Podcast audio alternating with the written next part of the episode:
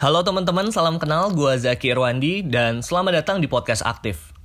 13 Mei 2021 menjadi sebuah momentum yang bersejarah bagi umat Islam dan Kristen. Dikarenakan perayaan Hari Raya Idul Fitri dan kenaikan Isa Al-Masih terjadi secara bersamaan di hari yang sama.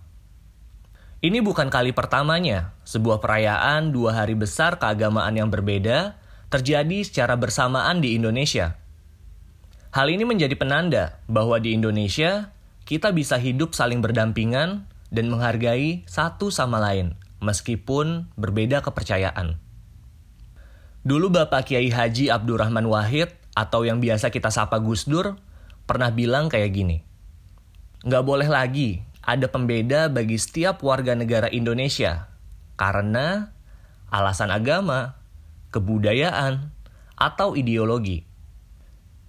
Di dalam kehidupan dan bernegara di Indonesia, itu penuh dengan keberagaman. Sikap toleransi atau sikap saling menghormati, menghargai dan menerima semua hal yang berbeda, serta tidak merasa terprovokasi atau terancam apabila ada seseorang yang berbeda dengan kita, inilah yang membuat kehidupan kita penuh warna. Semboyan Bhinneka Tunggal Ika yang tertera dalam Pancasila – bukan semata hanya sebagai pelengkap saja, melainkan terkandung sebuah nilai-nilai luhur yang mana jika masing-masing dari kita memahami dan mengaplikasikannya ke dalam kehidupan sehari-hari, tidak akan ada lagi tuh yang namanya perpecahan antar yang berbeda. Tapi jika melihat kenyataannya, masih banyak sekali kerenggangan yang terjadi terlebih di dalam ruang digital, khususnya sosial media. Berdasarkan hasil survei yang dirilis oleh Microsoft pada bulan Februari lalu tentang Digital Civility Index atau Indeks Keberadaban Digital, tingkat kesopanan netizen Indonesia berada di urutan ke-29 dari 32 negara partisipan. Hasil survei ini seharusnya membuat kita sadar dan mau untuk berbenah.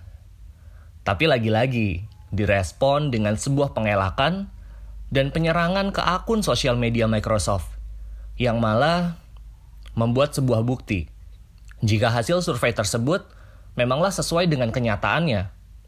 Apa ternyata memang benar?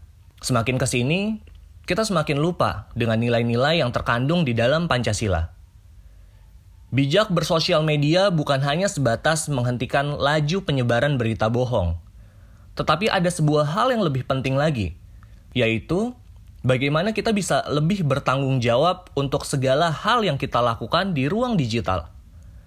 Saling menghormati perbedaan, baik pendapat maupun kepercayaan di ruang digital, tidak hanya diajarkan dalam kepercayaan tertentu saja. Kepercayaan yang lain pun pasti mengajari setiap umatnya untuk hidup rukun dan berdampingan dengan yang berbeda. Penempatan ketuhanan yang Maha Esa di sila pertama dalam Pancasila ternyata bukanlah tanpa alasan. Karena kunci dan titik sentral pemikiran dari kelima sila terdapat pada sila pertama, yaitu ketuhanan. Segala sesuatu yang ada dan terjadi dalam kehidupan ini adalah ciptaan dan atas kehendak Tuhan atau Sang Pencipta. Bahasan tentang sila pertama ini mungkin sedikit kompleks, tetapi nggak ada salahnya buat kita pahami. Kembali ke bahasan bijak bersosial media. Ada dua hal yang menurut gue bisa kita lakukan untuk bisa saling menghormati perbedaan, baik pendapat maupun kepercayaan di ruang digital. Yang pertama, jangan mudah untuk melampiaskan amarah. Suatu perdebatan pada kolom komentar sudah semestinya menjadi ajang untuk beradu ide atau gagasan. Malahan, justru berubah fungsi menjadi sebuah tempat lempar umpatan, caci maki, dan ancaman. Rasa amarah yang ada di dalam diri membuat kita lupa kalau yang namanya perbedaan pasti akan selalu ada. Tinggal bagaimana kita bisa menerima dan menghormati perbedaan tersebut. Yang kedua, sebar konten positif. Kita sebagai generasi penerus bangsa sudah semestinya mengambil peran untuk bisa menjadi katalisator dalam penyebaran dan bahkan pembuatan konten positif. Satu konten positif yang kalian bagikan berarti besar bagi mereka yang menemukan. Yuk, bisa yuk, kita sama-sama saling berbenah dengan mengimplementasikan nilai-nilai Pancasila, terutama di ruang digital, untuk Indonesia yang lebih baik. Jika kalian suka dengan episode kali ini, jangan sungkan untuk like dan share supaya lebih banyak orang-orang di luar sana yang dengerin podcast aktif. Terima kasih, gue Zaki Rwandi, dan jadi aktif.